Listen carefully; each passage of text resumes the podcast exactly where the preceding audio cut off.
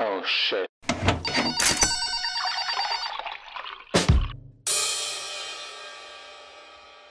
Welcome back to Politalks. Ya, sebagaimana yang gue udah bilang kemarin, kalau gue butuh teman ngobrol buat ngebahas tentang isu politik apa pun, dan lumayan banyak yang DM. Eh, akhirnya gue bisa atur jadwal untuk eh, episode ini. Jadi buat teman-teman yang apa mau ngobrol bareng dan punya opini tentang satu isu, feel free buat DM di Instagramnya Politalks dan tentuin tema apa yang lo mau ngobrolin. Nah sekarang kita bakal ngobrol soal eh, Jokowi dan TNI. Jadi gimana akhirnya di pemerintahan Jokowi ini peran TNI seperti apa dan segala macam. Nah sekarang lagi sama gua eh, Adit Fitra Aditya Irsyam. Kenalin eh, ini Adit, say hi Adit. Halo, assalamualaikum. anak UIN jadi Assalamualaikum ya ya jadi eh, ya doi ini ternyata eh, doi ini apa ya mantan mantan ketua HMJ himpunan mahasiswa ilmu politik tahun berapa dit? 2016. 2016 2017 ya? Berarti satu tahun yang lalu. Eh dua tahun yang lalu ya? Gua juniornya Rere. anjing. Nah eh sebenarnya doi punya punya apa ya? Punya ketertarikan terhadap isu tentang militer kira-kira gitu gitu ya? Eh, politik militer. Nah mengingat banyak eh, apa belakangan ini banyak diskursus tentang kemesraan Jokowi dan TNI kita bakal mengulas itu jadi pokok masalahnya adalah eh Jokowi sebagai presiden dari latar belakang sipil itu kan harapan orang besar bahwa Jokowi akan me- apa ya akan serius untuk mengagendakan reformasi TNI. Tapi pada faktanya eh, banyak akhirnya kebijakan-kebijakan, akhirnya banyak eh, apa sikap-sikap politik yang mempertunjukkan bahwa kok Jokowi malah mesra sama TNI kira-kira kayak gitu. Nah menurut lo gimana tuh tentang tentang itu gitu? Oke, Bang Rere. Bang Rere gua manggil ya. Anjing, Bang. gua- gua tua, Di Bang. diskusi gua tetep panggil Bang. Tai. Ah, jadi gini, Bang. Apa Jokowi ini kan menarik nih ya. Dia adalah presiden yang dianggap dari kalangan sipil. Jadi biasanya itu selalu ada tipologi. Presiden sipil atau presiden militer. militer. itu rame banget misalnya di pemilu tahun 2004, 2009 itu selalu muncul tuh tipologi Eh, siapa sih yang layak untuk memimpin bangsa ini Hmm. apakah dari militer Atau atau, sipil. sipil. gitu kan Nah, tapi nyatanya mulai tahun 2014 terakhir 2019 pemilu kita sudah mulai pudar tipologi seperti itu tapi tetap Pak Jokowi adalah dari kalangan sipil yang banyak para apa ya, aktivis itu menaruh kepercayaan banget Mm-mm. ke beliau lah Iya. bahwa beliau itu harus mampu tegas Iya. dan memberi batasan yang jelas dengan kelompok militer. Nah, bahkan banyak di awalnya harapan-harapan kita itu selalu bilang bahwa Jokowi itu akan mampu progres lah seperti almarhum Gus Dur. Yang sipil terus dia membuat Ya, blok yang sangat mewakili jelas. kita sebagai sipil lah. Nah, apalagi ketika itu kan Gus Dur itu berada di masa-masa transisi tuh. Indonesia masih baru, Masih baru keluar pas, dari ya. euforia kekuasaan militer. Gus Dur langsung mengambil posisi yang berbeda Ya. dan akhirnya kita berhasil. Iya. Nah, tapi sekarang di era Pak Jokowi itu justru banyak yang menilai apa, Jokowi mulai bermain-main nih. Dia memberi ruang gitu loh, Bang. Dia mulai memberi ruang terhadap partisipasi TNI. TNI. Gitu, dia Intinya dia memberikan karpet merah buat TNI ya. Yes. Makanya iya yang menurut gue yang menjadi menarik karena dia ini kan setelah pasca reformasi ya kan kita masih apa ya masih takut dengan eh, militer militer dan segala macam ya kan pasca reformasi. Dan dalam sejarah pemilihan langsung doi kan orang pertama yang dipilih dari militer eh dari sipil gitu. Jadi itu menariknya tuh di situ. Tapi pada akhirnya eh dalam catatan imparsial itu sendiri eh, setidaknya pada akhir 2017 itu banyak MOU MOU yang apa yang mengatur tentang kayak apa sih keterlibatan TNI dalam ranah dalam ranah sipil gitu loh. Jadi baik itu memasuki eh, apa lembaga-lembaga sipil kayak gitu-gitu dan di di era Jokowi juga itu kan ada peraturan pemerintah tentang konflik sosial. Jadi itu dulu ngomongin tentang konflik sosial tuh eh, cuman Polri aja gitu yang bakal keamanan itu cuman Polri yang bertugas tapi di era Jokowi itu ada PP soal eh, TNI boleh untuk ikut mengamankan itu. Jadi kalau lo lihat banyak akhirnya penggusuran, penggusuran, konflik agraria di situ TNI tuh yang yang ada di garda depan gitu. Kayak gitu sih. Jadi ya secara umumnya kayak gitu. Tapi gini deh bang, apa terkadang itu kita termasuk ya saya ataupun teman-teman aktivis Gue. lainnya ya gue lah Ah, selalu ada ada rasa apa sih paranoid gitu Paranoid. sebenarnya bahwa ngelihat peran sedikit dari militer Ah. itu seolah-olah bahwa wah kembali lagi ke dui fungsi Orba. nih era orba nih padahal kadang nggak nggak nggak terlalu Enggak seperti Iya. itu gitu loh bang sebenarnya Eh, kayak misalnya gua mau ngasih contoh gini ya kebetulan kan riset gua tentang purnawirawan gitu Ah. di partai di partai keterlibatan purnawirawan di politik lah nah sebenarnya se- jauh sebelum sekarang sekarang ini memang banyak para peneliti yang ingin mencari tahu tuh apakah uh, purnawirawan dalam hal ini mewakili kepentingan dari militer Mhm. eh, representasi dari militer apakah mereka membawa kepentingan-kepentingan Militer. institusinya Ah, militernya institusi, ketika mereka telah pensiun Iya. ternyata pernyataan itu sudah dibantah gitu loh bang terakhir ada riset di tahun 2015 itu dia bilang bahwa ya purnawirawan eh, yang direpresentasi Representasikan. dari militer itu mereka nggak membawa kepentingan militer purnawirawan yang telah terjun ke politik mereka membawa Iya. kepentingan masing-masing atau membawa kepentingan golongannya jadi sebelumnya gue mau ngebantah argumen yang bilang bahwa Jokowi memberi ruang kepada purnawirawan kan banyak tuh purnawirawan pendukung Jokowi Banyak banget. banyak banget siapa aja tuh coba deh Ya banyak lah Muldoko, Luhut, Ria Mizar. Ria Sudu ya kan dan kawan-kawan. Belum juga di belakang-belakangnya. Jadi Pak Hendro tuh kan ada 35 jadi ada Banyak, kan? Nah, banyak bilang bahwa Jokowi itu sekarang semacam kayak disetir gitu loh. Hmm. Disetir oleh mereka demi kepentingan militer, makanya akhirnya beliau membuka ruang. Seperti apa tadi kepres yang terakhir? Kepres Iya. nomor dua tiga tujuh nomor 37. 2019 kemarin lah ya. yang kemarin baru-baru banget kan? Heeh. Itu teman-teman langsung reaksi. Nah, tapi ternyata problemnya nggak hanya itu gitu loh. Mhm. ada problem yang memang tak terselesaikan dari pasca proses transisi di era Orba menuju reformasi itu memang sampai kini menjadi PR besar. Pertama gini, di era Orba itu militer kan dengan dui fungsinya bebas tuh mengisi jabatan-jabatan publik di Iya. mana aja. Jadi mereka nggak merasa nggak ada yang punya jabatan-jabatan kosong. Mhm. Mereka yang nggak punya jabatan di institusi ABRI ketika itu mereka bisa mengisi pos-pos sipil. Nah, Di pasca- Orde Baru ya? Di Orde Baru ya. Pasca reformasi dui fungsi dihapuskan Mhm. justru memunculkan problem baru. Mereka sudah nggak bisa lagi mengisi jabatan-jabatan sipil. Iya. Mereka hanya bisa mengantri untuk mengisi pos-pos di di TNI. TNI itu sendiri. Nah, di satu sisi proses rekrutmen tentara itu kan terus berlangsung tiap tahun. Iya. Jadi kayak ya banyak banyak TNI tapi nggak tahu mereka mau ngapain Nah, gitu kan. kita banyak menerima TNI, terus proses jenjang mereka itu akhirnya sekarang over apa? ya? over Over anggota gitu. Iya. Banyak banget perwira-perwira, perwira menengah atau perwira yang nganggur. tinggi yang nganggur, yang non job. Sebenarnya Presiden Jokowi ingin mengurai problem itu loh, menyelesaikan itu. Iya.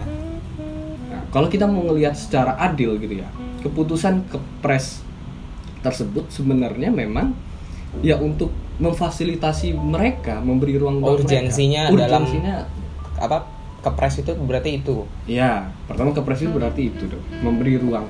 Karena kan ada catatan bahwa memang mereka bakal mengisi jabatan-jabatan yang apa jabatan-jabatan khusus gitu. Hmm. nggak nggak yang sesuai kita takutkan itu memang bang kalau misalnya aturan itu memang sudah berjalan dengan baik Iya. tetapi di satu sisi ada juga ketakutan-ketakutan tapi menurut gue ya wajar lah orang jadi tak maksudnya orang eh, apa ya istilahnya fobia terhadap militerisme itu sendiri. Karena memang pada ini kita belum lama loh gitu loh. Itu belum lama. Dan semangat semangat reformasi itu kan bener-bener masih kita perjuangkan gitu loh. Jadi kan kalau Jokowi mengeluarkan apa peraturan itu itu kan kayak melegitimasi perjuangan yang telah eh yang tengah kita perjuangkan reformasi TNI itu sendiri gitu loh. Yes Jadi kayak orang sipil tuh nuntut ya udahlah reformasi TNI TNI itu poksinya ya ngurusin keamanan gitu loh. Ini adalah ranahnya sipil kementerian gitu gitu kan. Jadi yang disoalkan sebenarnya kan lebih kayak gitu. sebenarnya gini apa gue lebih sepakat dan lebih apa ya mengistilahkan misalnya Pak Jokowi itu sedang bermain-main telur di atas jarum Iya tuh. kalau misalnya telur itu di atas jarum dan dia bisa memegang itu secara seimbang Iya. nggak akan jatuh dan nggak nggak akan ber- Oke. punya masalah Ah. tetapi kan godaan-godaan itu loh yang gua takutin ini sebenarnya bukan aturan itu bang itu hanya sebatas pintu yang gua takutin itu telur itu jatuh dalam artian budaya militeristik itu loh yang coba Hmm. dibangun lagi Iya. apalagi yang terakhir tuh misalnya kebijakan kerjasama antara Kemendikbud. Kemendikbud dengan TNI untuk mendidik Hmm. anak-anak sekolah mahasiswa justru Iya. itu tuh yang bahaya tuh pola Iya. pikir karena kita nggak bisa mengendalikan itu bang susah Heeh. Ya makanya kalau kayak benar bahwa gue sih lebih lebih ngelihatnya secara politis. Jadi kan sebenarnya wacana wacana kalau lo inget ya wacana apa TNI masuk ke ranah kementerian itu sebenarnya udah udah ada sebelum 4 bulan yang lalu itu sebenarnya udah ada kan. Ya zaman zaman kampanye kayak gitu gitu nah eh, motif politis yang gue baca adalah jadi kayak take and give antara pertahanan dan TNI gitu loh. Oke gue pengen lihat gue pengen lihat dulu nih seberapa seberapa besar peran TNI dalam mendukung gue di di pilpres ini.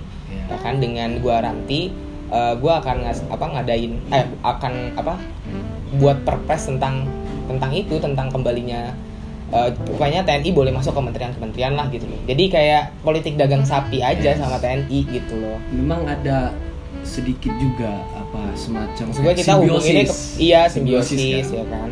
Ya. transaksional kan akhirnya sebenarnya. Karena purnawirawan itu ada istilah gini soldier never die gitu loh. Oke. Tentara itu nggak pernah mati sekalipun dia telah pensiun gitu dia akan tetap menjadi bagian dari keluarga besar militer tentara nah, apalagi mereka yang pensiun pensiun purnawirawan purnawirawan yang dekat sama Jokowi itu purnawirawan purnawirawan kelas 1 jenderal jenderal mantan panglima yang punya jejaring serta anak buah lah yang masih hidup sehingga apa sampai sekarang jejaring hidup ya. itu masih ada ya memang ada kemungkinan mengarah ke sana gitu loh bang Hmm. Mereka purnawirawan itu yang digalang kayak sebelum pemilu kemarin kan banyak tuh relawan-relawan pendukung dari kalangan purnawirawan ya barangkali itu semacam kontrak politik bisa ya terjadi kontrak gitu. politik ah. bisa terjadi hal semacam itu Iya jadi maksud gue eh sebenarnya kayak dalam pengamatan gini ya ya sebagai presiden sipil lo tuh nggak kuat gitu loh. Iya. jadi lo butuh butuh di decking sama militer ya gitu kan. Nah pada akhirnya kan persoalannya eh, harapan besar orang terhadap lo yang presiden sipil bisa memperjuangkan kepentingan-kepentingan sipil akhirnya juga tersandra sama kepentingan TNI juga gitu loh. Menurut gue gitu sih. Ya wajar sih apa namanya Jokowi memang butuh dukungan politik Mm-mm. dan memang salah satu kekuatan politik di Indonesia yang masih hidup dari awal berdirinya bangsa ini hingga sekarang bahkan hingga yang akan datang itu ya kekuatan militer itu masih diperhitungkan gitu Iya, tapi pada akhirnya itu melegitim, eh, mendelegitimasi perjuangan eh, reformasi itu sendiri Iya. gitu. Ya seharusnya udah deh TNI ya kembali ke barak gitu loh, kembali ke topoksinya mereka masing-masing gitu kan. Memang itu sebuah problem yang nggak selesai banyak peneliti-peneliti gitu yang susah mengurai itu karena memang kita proses Atau memang belum konsolidasi demokrasi? Mas? sudah justru sudah justru proses apa kembali ke baraknya militer Indonesia itu mendapatkan apresiasi dari luar meskipun bertahap gitu loh proses kita dari militer revolusioner terus militer mengarah ke mi- militer pretorian atau militer negara gitu. Peng- apa pen- pelindung negara presiden ketika itu di era Orba mereka langsung terjadi perubahan yang sangat drastis. Itu menjadi militer yang profesional. Biasanya bang di negara-negara lain itu sangat sulit terjadi. Akan selalu Ya, akhirnya akan- penolakan tuh. Apa kayak yang terjadi di Mesir gitu? kan? konflik penolakan kudeta Kudeta militer, Tapi maksudnya. bersyukur Indonesia nggak terjadi semacam itu Iya. karena apa ya memang di kalangan perwiranya ada perwira tinggi saat itu ada kesadaran dari mereka penting lah kita perwira-perwira yang dianggap sebagai perwira-perwira reformis Ah, reformis. meskipun secara bertahap hingga era Pak SBY dari zaman Gus Dur hing- hingga era SBY secara perlahan-lahan memang ya Iya. dan ada yang menarik bang temuan apa hasil survei nih Hmm. terkadang kan kita itu sering banget takut ngomongin soal militer di ranah sipil Hmm. tapi justru ini yang kadang sebentar gue tunjukin nih bang jajak pendapat yang dilakukan oleh Kompas menunjukkan citra positif terkait kiprah purnawirawan di dunia politik Hmm. Terus poin yang lo pengen sampaikan apa? Ya masyarakat kita itu mengapresiasi sebenarnya masih. Nah itu loh bang mental itu loh bang brainstorming sisa-sisa kalau menurut gua sisa-sisa dari orde baru itu masih terbangun gitu. Iya. Tapi kalau gue sih ngerasa secara institusi memang maksud gue secara institusi kinerja TNI dalam hal urusannya di TNI Baik. iya oke baik gitu loh. Persepsi publik itu baik gitu dan eh kalau di- boleh dibilang tuh paling atas lah paling bawah tuh da- dari institusi politik kita DPR lah kira-kira. Yes. yang paling dipercaya itu TNI tapi kan persoalannya lain ketika misalnya TNI udah masuk ke ranah-ranah sipil gitu loh. Udah ada budaya militerisme gitu-gitu loh. Itu yang akhirnya menjadi soal sebenarnya. Terkadang kan emang ya, elit kita ini yang lucu bang misalnya kayak gua mengkritisi kerjasama Kemendikbud dengan TNI kenapa mereka melakukan kerjasama dengan TNI karena untuk membangun jiwa nasionalisme para pelajar gitu. Oke kita ngomongin tentang yang ini ya apa? Kebijakan Kemendikbud. Yang kemarin yang terakhir. Kebijakan Kemendikbud yang menggandeng TNI untuk menanamkan nilai-nilai dasar nasionalisme, Nasionalisme. yang mana lucunya menurut gua eh, katanya nilai-nilai nas- eh, rasa-rasa nasionalisme itu hal yang paling dasar yang bisa dilakukan adalah upacara baris berbaris. Maksud gue, apa korelasinya antara baris berbaris dengan nasionalisme gitu loh? Akhirnya kan yang dikritik itu. Ini makanya kayak iya, ini tuh TNI nggak ada kerjaan sebenarnya. Sampai ah gue butuh job gitu loh. Nah akhirnya kan ya mau dalih apa pun itu kan akhirnya menunjukkan bahwa kembalinya dui fungsi ABRI, eh dui fungsi TNI gitu loh. Mengarah ke sana memang mengarah. Mengarah ke sana. Nah, mereka nggak hanya apa apa memiliki peran pertahanan tetapi mereka mulai memasuki lagi wilayah-wilayah sipil. Mulai membentuk pola pikir mental. Iya. itu anak bangsa kita. Inilah yang sebenarnya yang gua takutin gitu Bang.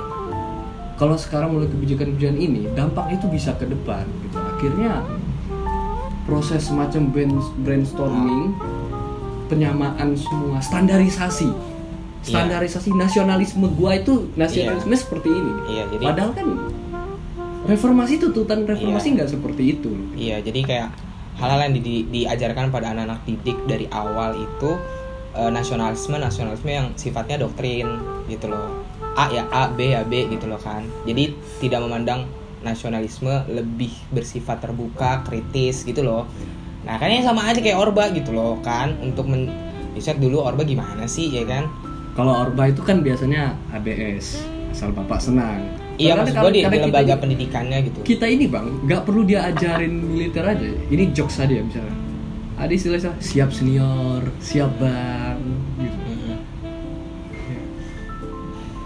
Iya tapi kayak apa ya gue ngelihatnya eh, kalau misalnya kita terus memaklumi hal-hal yang oke lah maklum lah apa TNI itu jadi kayak ke poinnya adalah udahlah mak- maklumin aja karena TNI itu emang gak punya kerjaan nih kesian doang sama TNI gitu kan. Nah maksud gue eh, akhirnya kita nggak berani untuk eh, maksud gue gini loh. Kalau misalnya kita nggak memulai untuk menyetop eh, apa peran TNI dalam hal sih dalam eh, kepentingan-kepentingan sipil itu ya akan terus terjadi mau sampai kapan pun. 2024 kayak gitu lagi 2000 selanjutnya kayak gitu lagi gitu loh. Nah maksud gua pada akhirnya kayak ayo dong kita kita berani untuk mengkritisi itu. Kita berani untuk eh, bilang bahwa udah deh TNI kembali ke barak nggak usah nggak usah masuk ranah-ranah sipil. Karena itu perjuangan reformasi yang masih yang masih kita eh, perjuangin. Bukan udah kita perjuangin ya. Ada pandangan-pandangan yang ekstrim tapi sebenarnya gue nggak terlalu setuju bahwa udahlah TNI atau militer itu udah nggak diperlukan lagi tuh. Hmm. kita udah nggak ada perang udah segala macam. Mhm. nggak perlu lagi lah kita. Mau kita hapusin aja wilayah-wilayah teritorial. Kodim koramil sebagainya itu kita sisakan hanya beberapa aja. Tapi bagi gua Indonesia masih butuh. Apalagi ya misalnya masih jelas lah apa namanya di wilayah-wilayah perbatasan. Iya. Ja- tapi yang perlu diperbaiki kalau menurut gua dari hulunya gitu kita mulailah diper dikurangin atau diperketat misalnya proses rekrutmen Hmm. karena akan selalu Kuotanya didikitin dong gitu kalau kita misalnya. setiap tahun menerima Ah. penerimaan tentara terus gitu Jadi ngomongin supply dan demandnya nggak iya masuk. nggak masuk nggak ketemu Jadi supply-nya orang-orang apa TNI TNI banyak banget, tapi demandnya nggak ada. gimana nggak ada Jadi akhirnya ini orang-orang yang nganggur ini mau ke mana gitu kan akhirnya. iya dan gue masih melihat bahwa eh, Jokowi masih disetir sama TNI karena demi demi apa ya demi demi posisinya dia sebagai sipil dan butuh butuh orang-orang militer di samping mereka itu. Nah menurut gue ini bukan suatu hal yang harusnya dimaklumi gitu loh. Karena kalau kita terus memaklumi hal yang seperti ini ya mau sampai kapan gitu loh mau sampai kapan eh, apa ya konsolidasi demokrasi yang bener-bener kita perjuangin itu terlaksana gitu terrealisasi gitu. Ini gue kayak ngomongin eh, apa maksud gue ya kita sebagai sipil yang yang oke lah boleh ber- ber- bertegangan antar kepentingan politik sipil dan militer kan intinya gitu. Kita sebagai sipil nih lagi perang nih sama militer gitu. Sebenarnya gini bang. Kekuatan-kekuatan politik itu banyak lah ya.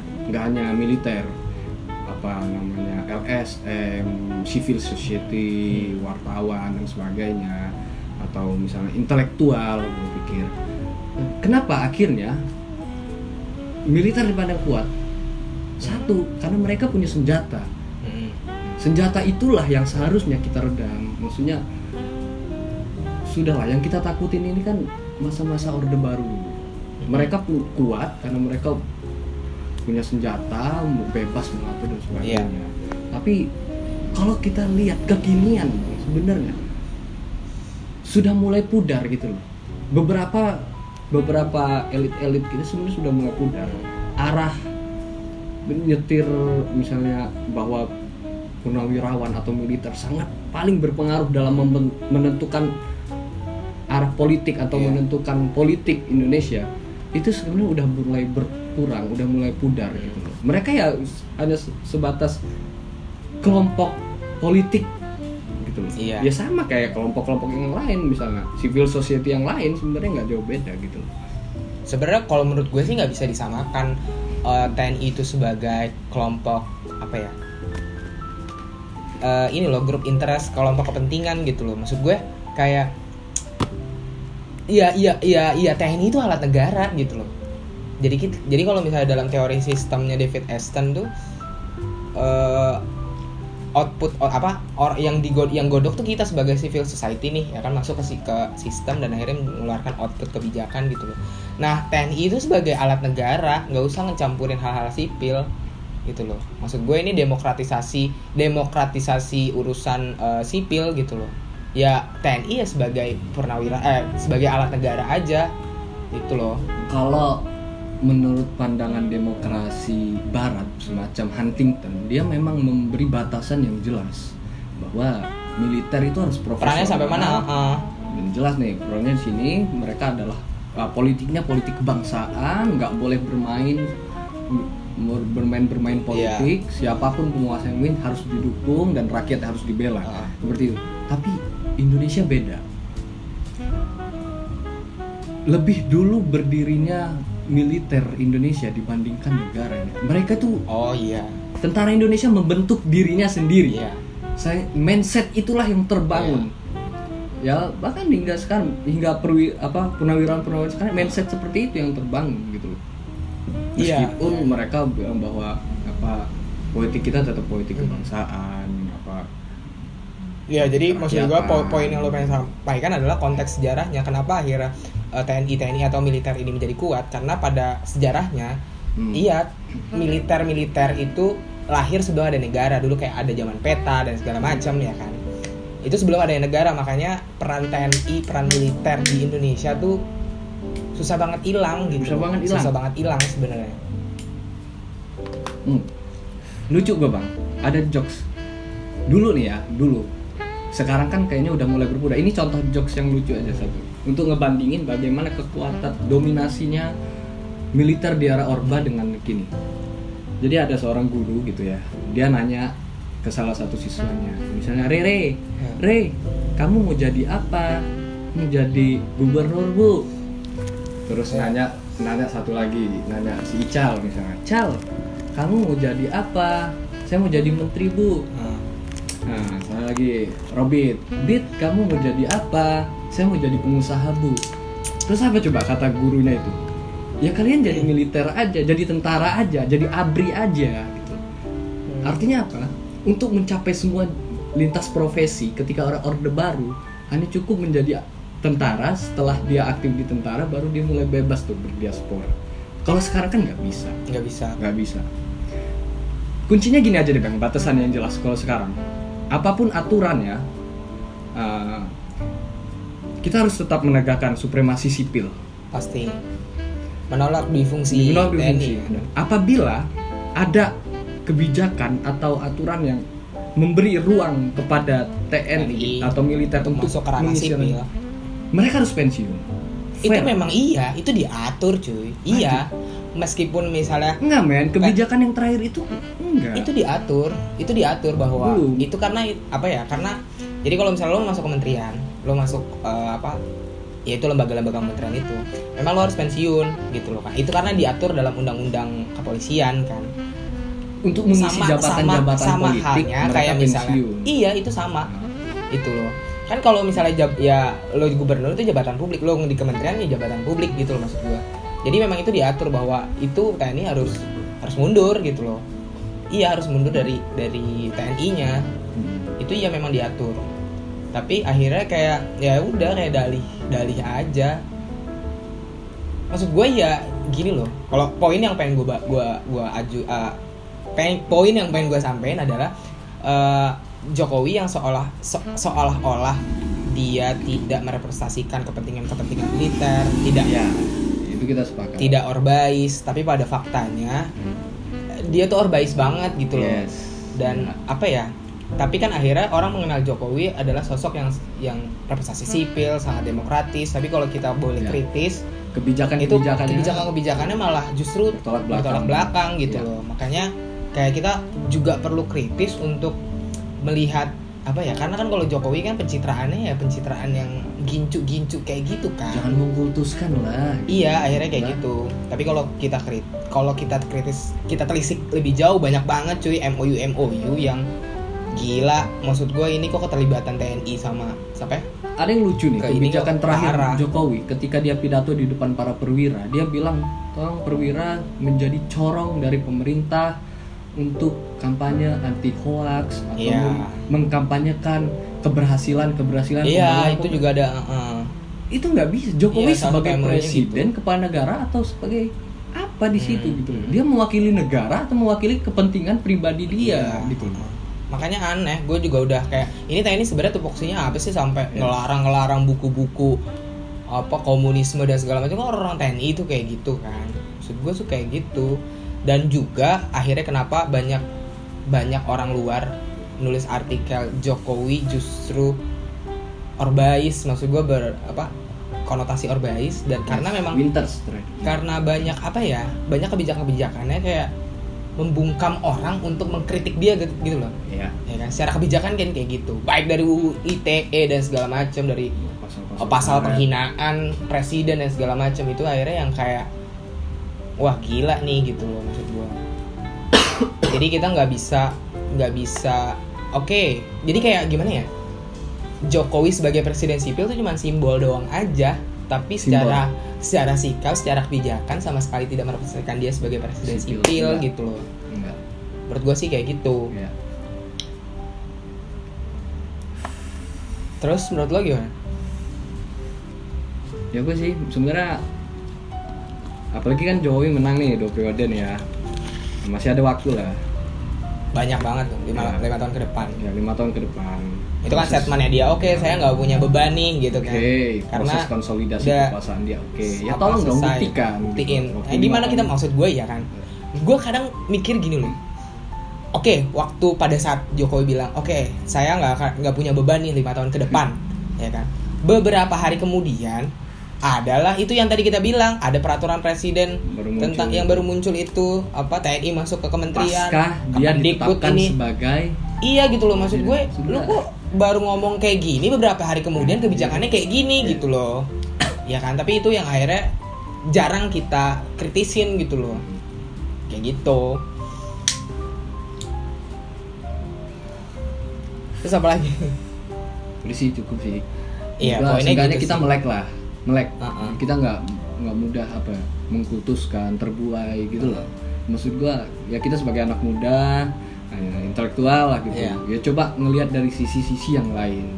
Coba kita Iya, lebih lebih, kritis perdalam, sih, lebih, lebih kritis. kritis. gitu loh. Karena kan kalau sekarang kan eranya lu tahu berita hari ini, minggu depan juga udah lupa gitu. Gua gua kesel banget bang. Misalnya ada kayak Jokowi itu presiden yang nggak punya dosa masa lalu gitu, yang nggak pernah terlibat. Iya, secara orba. individual, iya.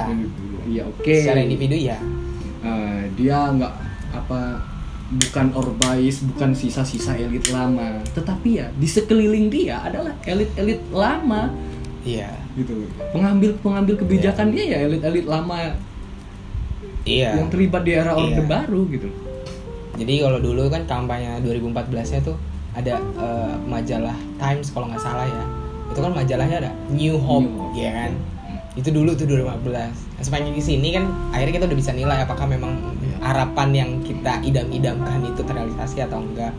Sebenarnya banyak banyak PR gitu kan. Dan tapi maksud gua ini kita kita juga nggak punya preferensi politik. Ya Prabowo nggak, eh, maksud gua Prabowo ketika yang juga belum tentu lebih baik gitu loh. Tentu. Kayak gitu. Apalagi dia yang militer, dia iya dia aktornya sendiri gitu. aktornya sendiri. Iya. Lebih kayak gitu sih.